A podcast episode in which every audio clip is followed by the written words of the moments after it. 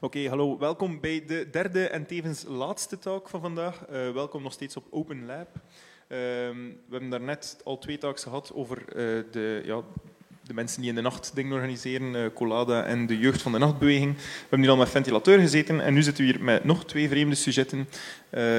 aan mijn linkerkant zie ik de vriend, aan mijn rechterkant Benny Klaisier.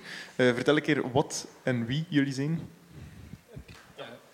Ja, dus uh, ik ben Benny. Uh, ik zit hier in de hoedanigheid van uh, vertegenwoordiger van Twerf-label, Werf Records. Het is eigenlijk een label, ik kan proberen kort te zeggen, het is een label dat eigenlijk in 1993 gestart is. Ik was er voor de duidelijkheid niet bij op dat moment. Het was eigenlijk ontstaan als een, als een label binnen een kunstencentrum, het, het voormalige De Werf. Intussen is dat Kaap geworden. Ehm, en dat is eigenlijk ontstaan vanuit het, het idee of de, uh, uh, het idealisme van mijn voormalige baas, die, die, die intussen gestorven is, uh, om eigenlijk vooral eh, de, de lokale of de Belgische jazzscene te ondersteunen, eigenlijk als een soort correctie op de markt. Er, was heel veel, er waren heel veel jazzartiesten in die periode die commercieel niet meer bij een label terecht konden, omdat er uh, allee, niet veel interesse was bij majors om nog in jazz te investeren. En toen is, is die dat eigenlijk begonnen, eigenlijk meer als een soort steunpunt voor muzikanten. Uh, en dat is altijd een klein beetje de filosofie dat wij gebruiken, uh, ook omdat we volledig gesubsidieerd zijn is eigenlijk vooral helpen van artiesten, uh, ondersteunen en proberen een springplank te zijn. En idealiter is onze rol uitgespeeld als een uh, band doorgeroeid naar, naar een commercieel uh, of zelfstandig label. Even voor de duidelijkheid, Werf valt onder Kaap. Ja. En Kaap is in zowel Brugge als, Oost als Oostende heel sterk ja. actief. Ja, ja, dat is een kunstencentrum en wij doen muziekconcerten. Uh, allee, dan vooral jazz en alles dat er zo bij, rond beweegt. Um, en daarnaast doen we ook theater, podium, dans, uh, literatuur, beeldende kunst. Ja, en dan aan mijn linkerzijde heb ik Siggy de Vriend. Je bent de eigenaar ja. van Stroomrecords. Ja, ik vertegenwoordig mijzelf. Um, en ik heb Stroomrecords, dat, een label dat nu bijna vijf jaar bestaat. Die oorspronkelijk een uh, online radiostation was. Maar nu dus een, uh, een platenlabel, onafhankelijk. Dus jij bent uh, ook redelijk verankerd in Brugge, maar nu vooral in Gent, denk ik. Oostende. Oostende, pardon. Ja. Um, en jij werkt vanuit, een, ja, vanuit je eigen eigenlijk. Hè. Dat is, ja. dat is een uh, zelfstandige zaak dat je, dat je zelf hebt. Ja. Um, en je zit vooral in, zij zitten in de jazz, jij zit vooral in de iets uh, elektronischere left field experimental toestanden? Of? Ik zit een beetje in van alles. Ja, okay. toch wel. Ja. Um, ik denk dat het grote verschil is dat jullie vooral met nieuwe artiesten samenwerken of met artiesten ik, die nog niet opnemen. Maar hij werkt ook met licenties. Hè? Ja, maar ook met uh, 50% uh, ja. nieuwe artiesten eigenlijk. Oké, okay, voor de mensen die zelf zouden bezig zijn met een, een, label op te richten, jullie zijn gesubsidieerd, hij bent echt from scratch begonnen. Ja. Um, hoe ben je eraan? Wat is, of is dat voordat je het weet dat je erin gerold bent? Uh, nee, ik ben eigenlijk gestart onder invloed van Music Mania, mijn toenmalige werkgever. Uh, zij hadden mij gestimuleerd om iets te doen dat iets dichter bij de winkel lag, omdat ik had zelf een, ja, een carrière daarnaast en ik was eigenlijk tijdens mijn uren constant met andere dingen bezig. En zij zeiden van dat is allemaal goed en wel, maar je moet toch ook iets doen dat iets dichter bij de winkel ligt. Waarom start je een label of zo. En ik had toen al een paar ideeën, zonder er eigenlijk echt aan te denken om mijn eigen label op te richten. En dan met de financiële hulp van hen uh, heb ik dat dan gedaan. En iets kort daarna heb ik dan toch beslist om dat volledig zelf te doen. Omdat dat logischer was, omdat ik daar eigenlijk 24 op 7 mee bezig was. En dan voelt dat niet meer goed, je dat gewoon voor iemand anders doet of zo. En dat is nu je fulltime bezigheid? Ja, dat is mijn full, ja, dat is, dat is mijn fulltime bezigheid. Ik heb wel andere bronnen van inkomsten. Ja, oké. Want daarnaast draai je ook nog als DJ zelf. Ja. Is dat een belangrijke manier om ook je Ja, dat is, uh, ja, dat is eigenlijk wel mijn voornaamste bron van inkomsten. Uh, en dat is zeker ook de vrijheid dat ik gehad heb om met stroom te doen wat ik wil. Uh, omdat er eigenlijk heel veel geld van mijn draaicarrière in stroom gestoken geweest is. En ik heb geluk gehad dat dat tijdens corona omgedraaid is, waardoor dat, dat ik wel wat allee, ik heb wel iets kunnen overleven op het label, al is dat wel exponentieel minder dan, uh, ja, dan plaatjes eraan. Ja. Uh, misschien voor beide heren, ik ga beginnen bij Benny. Als je een artiest bij jou op bureau krijgt, voor ons stel een bureau hebt, uh, hoe ga je te werk? Hoe ben je eraan? Komen die mensen naar jou? Ga je actief gaan scouten? Of ehm, dat is eigenlijk, uh, ieder geval is apart. Ehm, er zijn zeker bands dat ik zelf scout, of er zijn dingen dat ik zelf interessant vind, artiesten dat ik zelf aanspreek, maar heel vaak komen ook artiesten gewoon bij ons terecht. Um, en eigenlijk de service of de deal dat wij aanbieden is eigenlijk echt op maat geworden. Uh, uh, soms komen artiesten met een master af die al volledig betaald is. Dus, uh, zoals bij ventilateur? Zoals, ja, inderdaad, bij ventilateur. En dan kijken wij wat wij daar kunnen tegenover zetten. Allee, sowieso distributiedeal en dan ook promo dat we investeren. Um, en allee, hoe meer dat een band zelf inbrengt, hoe gunstiger dat wij dan kunnen terugdoen op vlak van royalties. Allee, ons doel is nooit dat ik, ik zat in Notto toen dat, ik, toen dat ventilateur bezig was en zij hadden het al gezegd, ons doel is eigenlijk niet, allee, door, door het feit dat we gesubsidieerd zijn, hoe kunnen wij risico's nemen en moeten wij niet uh, break-even draaien, laat staan winst maken. Allee, alle winst, als we winst maken op een plaat, investeren we dat opnieuw in andere artiesten. Ja, bij jou ligt dat lichtjes anders. Er zit wel een commercieel idee achter. Je moet er wel van leven. En, en als er als er niet break-even gedraaid wordt, als er verlies gedraaid wordt, is mhm. het jouw probleem. Ja. Um, hoe counter je dat? Ga je dan echt bewust op zoek naar artiesten waarvan je weet, kijk, dat dit kan commercieel interessant zijn? Of? Ik ga eigenlijk niet zo echt uit van dat commerciële gegeven ervan. Van, allez, ik heb heel veel vertrouwen dat dingen toch wel gaan werken. Ik denk dat het verdienmodel vooral zit in uh, je verstand gebruiken en uh, je richten op de platenverkoop enerzijds, maar anders ook proberen mee te gaan in uh, de 21ste eeuw en kijken dat er ook via digitale uh, wegen inkomsten kunnen zijn, uh, dat er via publishing geld gecreëerd kan worden en ja, eigenlijk gewoon wat dat eigenlijk een, een muzieklabel zou moeten doen, in principe. De mensen thuis publishing is, uh, er komt een reeks op één bijvoorbeeld en die willen muziek gebruiken ja. en dan fixen hij... Ja, dan fixen wij de contracten en uh, dat dat fair uh, gebeurt. Dat is iets wat jij actief ook opvolgt? Of nee, ik heb, ik heb een, een ex-stagiair, twee ex-stagiairs die dat eigenlijk verder op, opvolgen. Ja. Bij jullie gebeurt dat ook extern, de publishing? Ja, maar dat staat bij ons echt in de kinderschoen in die zin dat we daar eigenlijk nog maar vrij recent mee begonnen zijn. Tot, tot voor een jaar of twee waren we er eigenlijk helemaal niet mee bezig. Ook omdat dat minder precies in de, in de jars waar wij actief zijn, minder aan de orde was of zo. Maar nu, allee, like of dat Siggy zegt, uh, uh, Ziggy, sorry, uh, kan je wel niet anders. En is dat wel een manier om, om inderdaad je inkomstenbronnen aan te vullen. Ik, ik denk bijvoorbeeld aan een Compro Oro, een band die in het verleden bij jullie op het label zat, die met hun uh, tweede LP, denk ik, toch wel af en toe op tv verschenen als, uh, tijdens de sfeerbeelden. Is dat dan iets wat dat jullie mm, actief moeten opvolgen, dat dat gecashed wordt? Wel, uh, nou, toen, allee, nu zit Comproro al een paar jaar niet meer bij ons en op dat moment waren we eigenlijk nog niet bezig met publishing. Ehm, dus dat is niet via ons verlopen. Maar dus dat, is dat geld dat jullie dan missen? Of dat je misloopt als, als organisatie? Uh, wel ja, de, uh, maar sowieso als de publishingcontracten dat wij nu doen, zijn allemaal uh, voor de artiesten. Wij nemen daar niks op. omdat we dat ook, allee, omdat dat de, de, muziek blijft dan al een tijde eigendom van, van, van, de, van de master owner, wat dat dan de, de artiesten zijn. Dus wij nemen daar eigenlijk niks op. Ja, voor de mensen thuis, als je bijvoorbeeld bij een, bij een major uh, signed als beginnende band, kan het vaak zijn dat je een 99-1 deal uh, gepresenteerd krijgt. Wat dat wil zeggen dat de, de, de major eigenlijk alle productie voor jou financiert, maar dat in ruil eigenlijk ook wel 99% van alle opbrengsten opeist. Uh, en dat dat in de royalties ook wel doorgetrokken ja. kan worden. Dat is iets wat dat jullie allebei op een andere manier aanpakken? Of hoe zit dat ja. precies bij Stroomrecords? Ja, ongeveer hetzelfde, hoe dat hij wel beschrijft. Alleen bieden wij die service wel zelf aan. Zij, zij laten dat door iemand anders doen, denk ik.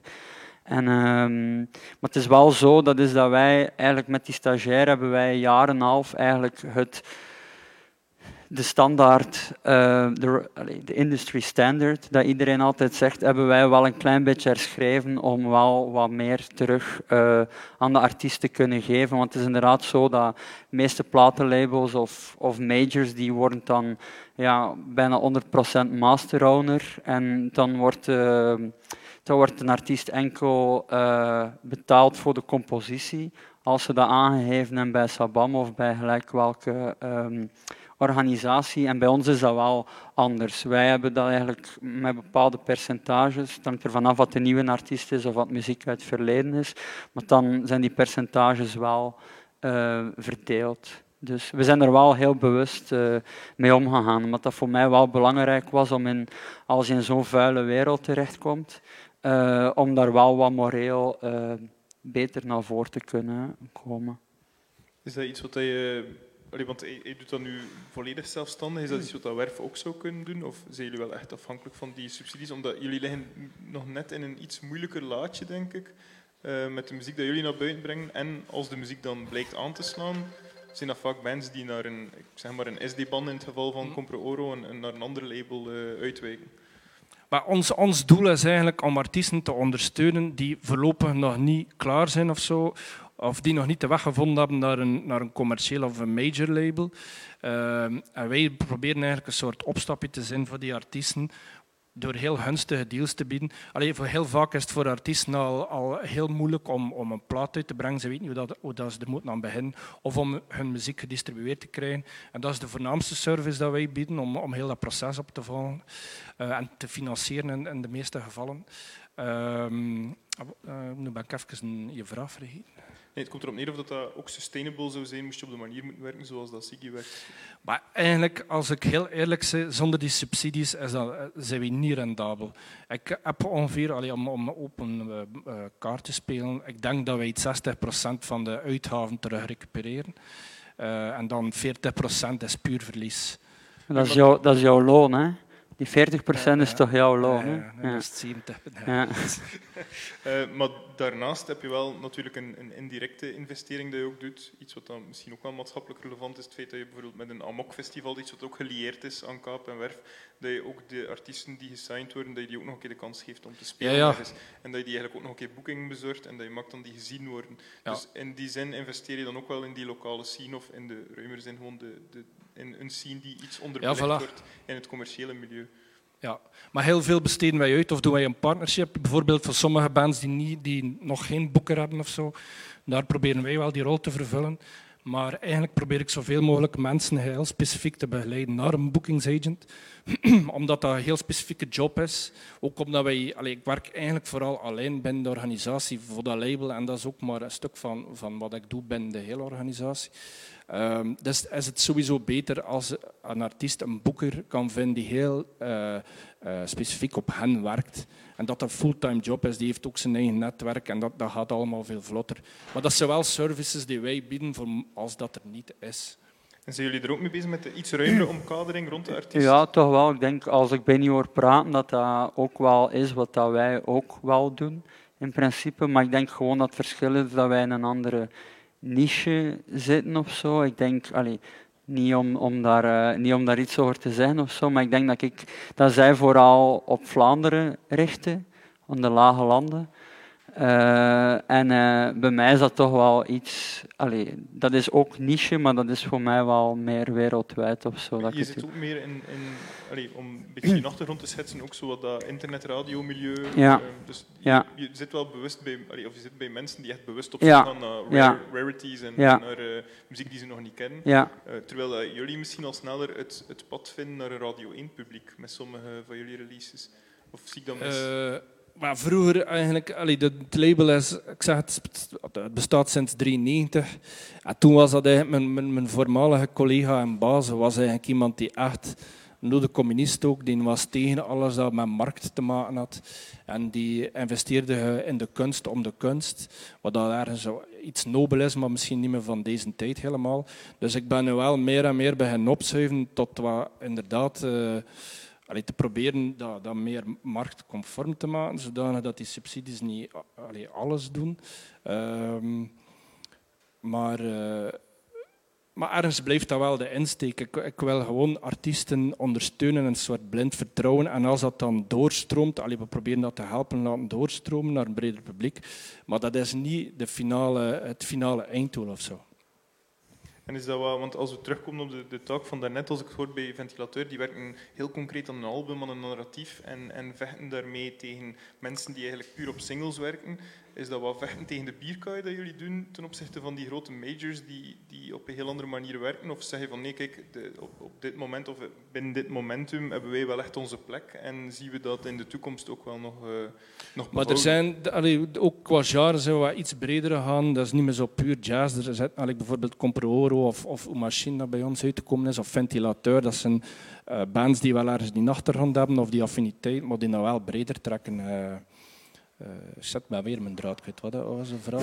Nee, of dat je, of dat je daar eigenlijk een, een toekomst in ziet in die labels. Op een, ah, ja, ja, ja. binnen de markt die op dit moment bestaat. Want er is een gouden tijd geweest, denk ik, dan 93 en ervoor, waarin dat er, als je een nummer gemaakt had, dat er met een contract naar je hoofd gesmeten werd. En dat is toch de dag van vandaag iets minder. Denk, ik denk dat je al iets meer moet cherrypicken voordat je iets op je label stikt. Ja, dat is waar. Ja, je, moet, je moet zelf ook een, een narratief hebben. Omdat je het zo wat praat, moet ook op het label passen. Zo het klassieke A&R van kan ik gaan op zoek gaan achter iets dat mij geld gaat opbrengen. Ja, zo werkt het niet. Ik, ik, en ik denk dat ik nu voor Benny ook kan spreken. Of eigenlijk nee, totaal niet. Uh, ik breng wel geen, allez, geen dingen uit dat ik zelf niet achter sta of zo. En dus dat... mensen kunnen niet bijvoorbeeld, als ze nu aan het luisteren zijn, denken van ah, ik maak hier op mijn nee. muziek, ze kunnen niet zijn als ah, nee. dat dat uitbrengt. Nee, in principe niet. Uh, en het is ook zo, het verschil met Benny is dat ik zelf ook heel hard uh, betrokken ben bij de afwerking uh, van de plaat. Omdat als het toch gaat over platenlabels, mijn, voor wat ik heel belangrijk vind, dat is dat je een plaat als een effectief product bekijkt, dat je we komen uit een soort, ik zelf ook kom vanuit een soort van een, DIY-esthetiek, waarin dat iedereen alles zelf doet. En de laatste jaren is heel duidelijk dat dat niet meer werkt. Als iemand heel goed is in muziek maken, maar die heeft een heel slecht uh, visuele esthetiek en die is heel moeilijk in omgang met andere mensen, ja, dan gaat het waarschijnlijk niet lukken. En voor mij is juist dat, dat de muzikant die, die zorgt voor de muziek en dan kom ik erbij als platenlabel en als ander onafhankelijk persoon die zelf heel hard een idee heeft van hoe dat de plaat zou moeten klinken of hoe dat de plaat er moet uitzien. En dan gaan we eigenlijk samen aan dat eindproduct werken om dat dan eigenlijk op een markt te projecteren die we kennen. Dat we weten van daar werkt het en mensen gaan daar geïnteresseerd zijn. Dus dat is een iets meer uh, artistiekere benadering van een, een, eh, een, een platenlabel runnen dan gewoon, ja, dan gewoon een soort van een standaard service bieden, omdat dat ook bij elke uh, plaat compleet anders is. is jullie hanteren ook wel, of jij tenminste, een, een, grote uniformiteit, denk ik. Nog meer dan bij, bij Werf in de releases. Uh, er ja. zit wel een idee achter, denk ik, of het past allemaal wel ja. binnen hetzelfde narratief. Um, is, is dat misschien aanvullend op mijn vraag van als er nu iemand luistert en die wil bij jou terecht, moet, hij moet binnen het plaatje passen, binnen ja, de identiteit van stroom? Toch wel een beetje, ja. ja. ja. En dat is iets waar jullie misschien net iets flexibeler in zijn? Ja, want, allee, om daarop in te pijten, het is niet zo, ik sta ook achter alles dat we brengen. Hè. En het feit wat je zegt dat je meer het totaalverhaal wil, wil schrijven en dat je wel allee, dat verder gaat dan puur, ik heb hier een plaat en uh, kun je dat ik er op de markt breng. Uh, ik probeer ook allee, in de laatste jaren veel meer een soort uh, stroom uh, uh, te genereren. Stuurt de factuur op? Ja, ja. maar, ja, maar ik, zie, ik zie dat gebeuren. Alleen dat we wel meer soort identiteit als label hebben, omdat ik wel zie dat dat ook wel echt nodig is. Dus, maar ik kan wel, ik kan, ik, door, allee, nogmaals, door die subsidies kan ik me wel, wel de luxe permitteren om ook artiesten die bijvoorbeeld wel volledig klungelig zijn op vlak van, van, van, communicatie of hoe dat ze zich presenteren, om die wel ja, eh, een extra duw te geven of misschien in een richting te duwen. Ook al weet ik dat misschien ja, ijdele hoop is of, of, of, of dat misschien gaat mislukken. Uh. Allee, we, we, we kunnen ons het recht uh, toe-eigenen om keihard op ons bek te gaan. Uh. En dat gebeurt af en toe. en soms, uh, soms, soms, soms haal je daar iets positiefs uit en soms is dat een verhaal dat uitgeschreven is. Ja, ik veronderstel dat jullie iets minder de vrijheid hebben om op je bek te gaan, maar dat dat misschien iets is wat dat Ja, gebeurt. Dat is nog nooit gebeurd, Nee? maar... eh, nee, dat is niet waar, niet waar. De ene keer is wel beter dan de andere keer of zo. En er zijn zeker wel projecten dat ik eh, niet 100% zeker weet als elke euro die erin gestoten is, dat die teruggekomen is. Maar door het feit dat ik de vrijheid had van een pot aan te leggen de laatste jaren, is dat ook niet zo erg of zo. Ik wil het zeker niet als iets commercieels eh, Je hebt ook de, de opstart van Werf als label dat het nu is meegemaakt, veronderstel ik, of toch in de hoedanigheid dat het nu is. Wat zijn, als er mensen nu aan het luisteren zijn en ze denken van ik wil zelf met een label starten, wat zijn de struikelblokken of wat zijn de dingen waar dat je zeker aan moet beginnen? Dat- Distributie. Distributie Ja, dat is echt nummer één. Als mensen die een platenlabel willen beginnen en die weten in geen honderd jaar hoe dat ze die platen in winkels gaan krijgen, dan moet je er echt, echt, echt niet aan beginnen. Echt niet. En dat is echt gewoon, dat is wat ik heel veel mensen met heel goede eh, intenties en heel goede ideeën, soms labels die ook echt goed zijn, die ook echt goede releases zijn, die gewoon nergens liggen, is omdat omdat ze, niet gezien worden. omdat ze gewoon niet weten hoe dat, dat, hoe dat, dat moet en contact hebben met de distributie die effectief die job voor jou doet. Want ik hou mij niet bezig met, met, met winkels aanschrijven en zo van die dingen. Ja, dan, dan moet je dat niet...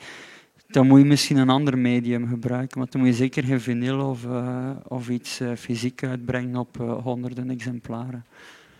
Kort. Ik ga daarmee akkoord, ja. ja. Maar naast het effectief fysiek distributeren zijn jullie ook bezig, veronderstel ik, met digitale releases. Zie je dat dat misschien de dag van vandaag nog relevanter wordt? Is dat ook een rol die het label actief moet vervullen? Of? Ja, maar dus ook daar, wij, werken met een distributeur, dat is nieuws. Ehm, dan die doet eigenlijk, wij hebben een deal, een P&D-deal, dat zij produceren onze platen en distribueren ze dan. Ehm, en zij, nemen, zij doen eigenlijk ook de digitale distributie. En op zich is dat een gemak, want dat spaart mij heel veel tijd uit. Ehm, en die zijn ook, bedoel, die, dat is een core business. Maar het negatieve is dan weer dat ik er weinig controle over heb. Allee, ik krijg om de, om de maand een statement, of om de drie maand digitale statements. En dan allee, moet ik dat geloven op een woord. eh. dus ik denk, ik denk dat Ziggy zelf zijn eigen digitale distributie... Ja. distri- ja. Ja. Dat, allee, dat zou ik dat wel aanbevelen voor iemand die zelf met een label begint. Ja. eh. ik zou zeker zelf zoveel mogelijk zelf eh, proberen doen. Ja, maar zo die P&D-deals en Maar is zo... dat dan vanuit financieel perspectief ook, omdat je er anders gewoon Ah op ja, toestemt, tuurlijk, ja? tuurlijk, tuurlijk. Ja. Want allee, ik wil zeker geen, eh, geen verdediger van eh, Spotify zijn, alles behalve. Ik kan daar veel vuile verhalen over vertellen. Maar anderzijds is het wel zo, dat is dat dat wel een soort van een, eh, dat is een soort van een raar spaarboekje dat je aanlegt. En als mensen negatief gaan over Spotify en zo van die dingen, dan zijn artiesten heel vaak geneigd om eh, maandelijkse statements te zeggen van ik heb van de maand maar 2 euro of 3 euro verdiend. Maar het ding is, dat je hebt er geen financiële eh kost aan om erin te steken, enerzijds. En anderzijds, eh, digitaal verkoopt nooit uit. Dus wat dat je gewoon, als hij als label, en dat is iets wat ik met Benny, dat, dat ik eigenlijk met Benny ook wel nog graag een keer eh, via Facebook over zou willen praten. Omdat zij hebben een gigantisch grote catalogus, maar dat is gewoon niet digitaal beschikbaar. En als hij 200 platen hebt en als hij per plaat 10 euro per maand eh, verdient, dan verdien je wel 2000 euro per maand. En als je die, de helft dan aan de kant zet voor de artiest en de helft in eigen zakken kan steken, dan heb je wel 1000 euro per maand. Als je het dan toch zo allez, Samaritaan zet, dan kun je die 1000 euro ook weer steken in nieuwe projecten. En dat is wat ik, allez, het gaat vanuit onafhankelijk zijn, dat is wat ik heel belangrijk vind om te zien gebeuren. Dat is dat je, je werkt aan iets en allez, in, in mijn persoonlijk geval, ik heb altijd geweten dat ik 100, 200 of meer platen ging uitbrengen. Dus ik weet vanaf de eerste plaat dat ik uitgebracht had, wist ik al dat er een moment ging zijn dat die catalogus groot ging zijn. En daar valt er heel veel mee te doen, zowel publishing als digitale verkoop. Maar je hebt dus je, in- je directe inkomsten via Spotify, eh, wat je nu net beschreef, Ja. want dan heb je, en dan spreek ik uit mijn eigen ervaring als Mhm. platenzaak-eigenaar, de indirecte inkomsten in die zin dat mensen een plaat ook op voorhand kunnen beluisteren. Ja, Ehm, vroeger kocht men blind een plaat omdat ze één hitje gehoord hadden. Ja. Tegenwoordig, en zeker in de branche dat jullie zitten, zijn dat meer albums. Het zijn veel meer narratieven. Mensen willen weten of dat, dat past bij hun collectie of bij hetgeen wat ze graag horen. Dus denk dat indirect dat die digitale catalogus wel. Ja, dat is heel belangrijk. is. ja. En heel veel Spotify-lijsten zijn ook heel belangrijk, omdat mensen dan zo getest worden of ze volgen je label of ze volgen een artiest die uitkomt op je label. Als er dan een nieuwe release uitkomt, dan krijgen die mensen daar een melding van. En, die, die, die cijfers financieel zijn niet zijn niet spectaculair of zo. Dus niet dat je daar, dat je daar uh, een dure auto mee kan kopen of zo. Maar het is wel zo dat al die kleine, dat je zelf aangeeft, dat al die kleine dingetjes, als er honderd mensen naartoe luisteren en twee mensen beslissen om die plaat te kopen, zijn dat toch weer twee extra platen dat je verkoopt. En ik, doe, ik, ik heb ook mijn eigen, mijn eigen bandcamp. En dat is ook, allee, dat is tijdens corona is dat mijn redding geweest. Omdat gewoon, allee, als je platendistributie verkoopt, dan distributie is goed omdat je plaat in de winkel terechtkomt, maar op distributie verdien je niks vergeleken voor het, voor het geld dat erin komt. Maar als je dat dan combineert met een bandcamp die goed werkt, en als het dan, ja, uh, mensen kopen graag via mijn bandcamp, omdat ze weten dat ze er stickers bij krijgen en dat de pakketten zijn zelf gemaakt. En dat heeft iets heel uh, aandoenlijk, bijna, denk ik, hoop ik.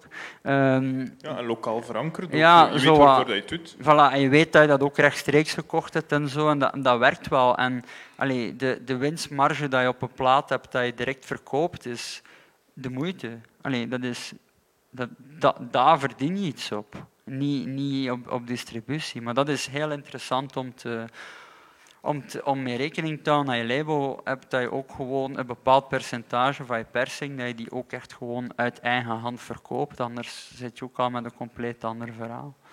Misschien nog, want we gaan moeten afronden. Voor de mensen die thuis nog aan het kijken zijn, als zij vragen hebben voor jullie betreffende een label, uh, of hoe dat ze op een label eventueel terecht kunnen komen, hoe kunnen ze jullie bereiken? Uh, benny.kaap.be.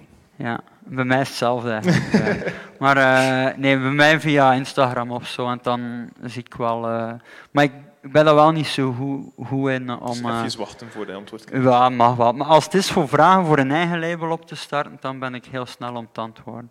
En als het is voor iets uit te brengen, dan dan zeg ik soms niks. Of zo. Dan ben ik soms wel wat stil of zo. Uh, ik weet niet of er op de stream ondertussen nog vragen binnengekomen zijn. Als er mensen in het publiek zijn die een vraag hebben, steek gerust je hand op. Dan uh, kom ik met de micro tot bij jou. Uh, voor deze beide heren, kijk, dat is goed. Dat wil zeggen dat het allemaal duidelijk was. Ja. Ah, nog een vraagje.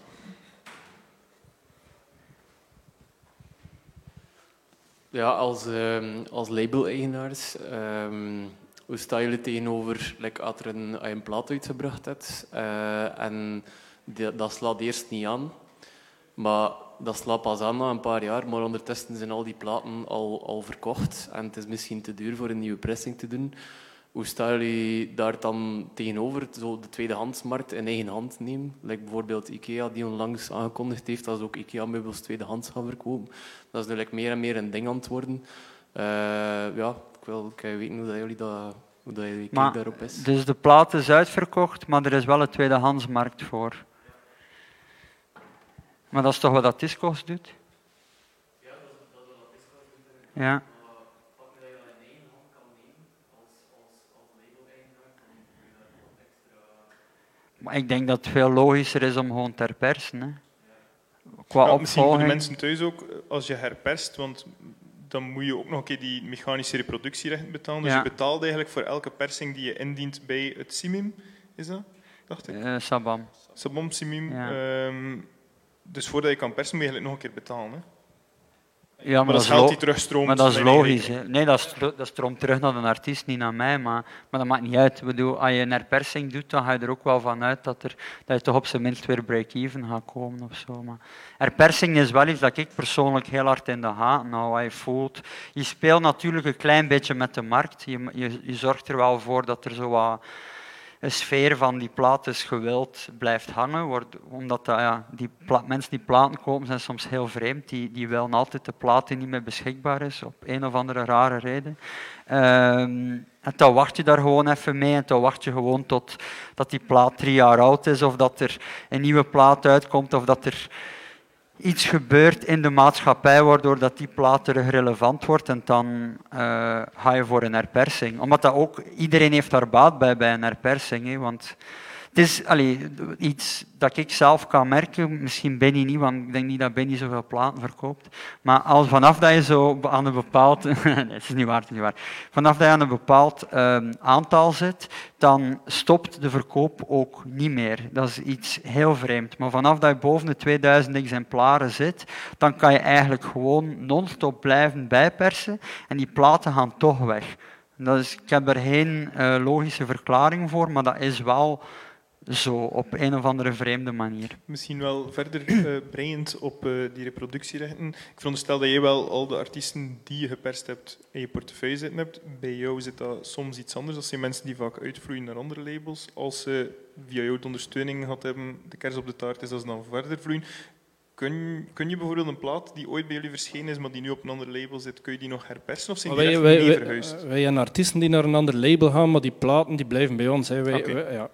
En die herpersen we als dat relevant is. Maar bijvoorbeeld uh, een plaat die, die al twee, drie jaar uitverkocht is, terwijl, allee, het is nog nooit gebeurd dat dat dan opnieuw plots weer een hype wordt. Allee, die Suburban Exotica mag heruitgegeven worden. Dat is niet bij ons. Ah, dat is jammer. Was dat toen al bij Is uh, Ja, ja, ja. Oké, okay, wel. Maar je hebt wel goede dingen. Maar het is wel, allee, wat hij zegt is wel een feit. Bijvoorbeeld, we hebben in die plaat van Dave Sanders die Java uitgebracht en die nu al voor de derde keer herperst en dat blijft maar. Ja. Als een plaat echt, echt succesvol is, dan, dan is het wel interessant. Mhm. En uiteindelijk, allee, dat gaat altijd over herpersing van 200 stuks of 300 stuks uh, dat ik doe. Dus die investering valt relatief mee. Een keer dat de, dat de, de, de moederplaat gemaakt is. Uh, dus dan doe ik dat ook wel. Uh. Ja dan denk ik dat we hier kunnen afronden. Er, ah, er is nog een vraag uit het publiek. Ja, ik had nog een vraag voor Benny uh, in verband met die subsidies. Heb je nog nooit van uh, labels of andere spelers, major labels, zure reacties gehad omdat die zoiets hebben van ja, subsidies, dus uh, concurrentie of van ja, ja, ja, Elke dag op Facebook nee, krijg je toch drie dingen. Ja, wel, Ziggy is de ene. Ja. Nee, nee, nee. Maar ja, bedoel, allee, dus wij zijn geen competitie voor niemand. Hè. Dus wij, wij spelen een rol en dat, dat is een rol dat je kunt in vraag stellen. En dan moet je eigenlijk heel het subsidiemodel in vraag stellen. Maar wij proberen niemand te beconcurreren of zo. Wij investeren eigenlijk in, in artiesten die op zich niet direct in het zichtveld zitten van die majors. Op het moment dat een major interesse heeft in een band die bij ons zit, dan zijn we de, eerste voor te zeggen van ja, go. Maar nee, maar eigenlijk nog nooit echt. Uh... Maar dat, dat is. Nee, nee, nee, ik zeg altijd even goede vrienden. Allee, ik ben blij als een artiest kan doorgroeien. Dat steekt dat onze rol is uitgespeeld. Uh. En, en, natuurlijk is dat wel jammer, zeker als je wel... Want ik steek daar zelf natuurlijk ook energie in. Allee, als ze dan weggaan, is dat jammer. Maar aan de andere kant is het ook gewoon geestig voor te zien dat de band kan doorstromen. Is dat, opent dat eigenlijk ook niet een beetje ruimte voor labels zoals de jouwe? Het feit dat er een tegenreactie is op die hele grote majors? Uh, of is dat niet nee, want ik denk dat wij eigenlijk wel dicht bij elkaar liggen. Ik denk dat gewoon het verschil tussen ons twee een, een mentaliteitsverschil is. En allee, om, ik, me, allee, ik heb nu wel gezegd dat ik zijn grootste tegenstander ben. Wat dat ergens wel waar is, denk ik. Maar ik denk dat het vooral komt juist door die, door die mentaliteit dat jullie zo... Wow, het is oké.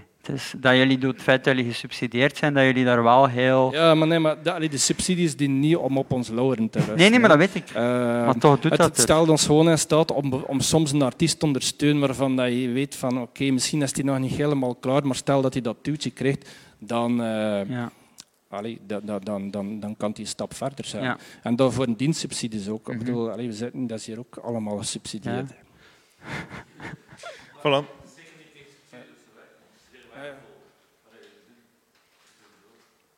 Dus iedereen is nog vrienden. Ik vind dat Benny, ik vind dat, Benny dat heel goed doet. Ik ga dat toch echt uh, ik ga dat toch zeggen. Ah. Want, uh, dan stel ik voor dat jullie straks met een pintje nog wat knuffelen aan de bar. Um, dan rest er mij alleen nog om jullie mee te delen, uh, dat is me hier doorgestuurd op mijn tv-bakje, dat er straks om vier uur optredens zijn hierboven in de gang. zowel Dot om vier uur als Bobby Lou om vijf uur. Om vier uur kan je ook bij Timothy Verlinde langs voor een performance slash vitrine. Wat het wil zeggen weet ik ook niet, maar het kan. Om acht uur kun je niet naar de Volksjury gaan kijken, want het is volzet. maar ik veronderstel dat je het wel online kan gaan En dan zijn er nog optredens, een hele racem uh, vanavond van 5.30 uur tot en met 10 uur. Uh, Ziggy Sunday, Liquid Silver, Poolface en Na. Uh, dit was de laatste talk die we doen vandaag op Open Lab. Ik hoop dat jullie er allemaal wat van genoten hebben. En dat was het voor vandaag. Dank jullie wel en tot de volgende.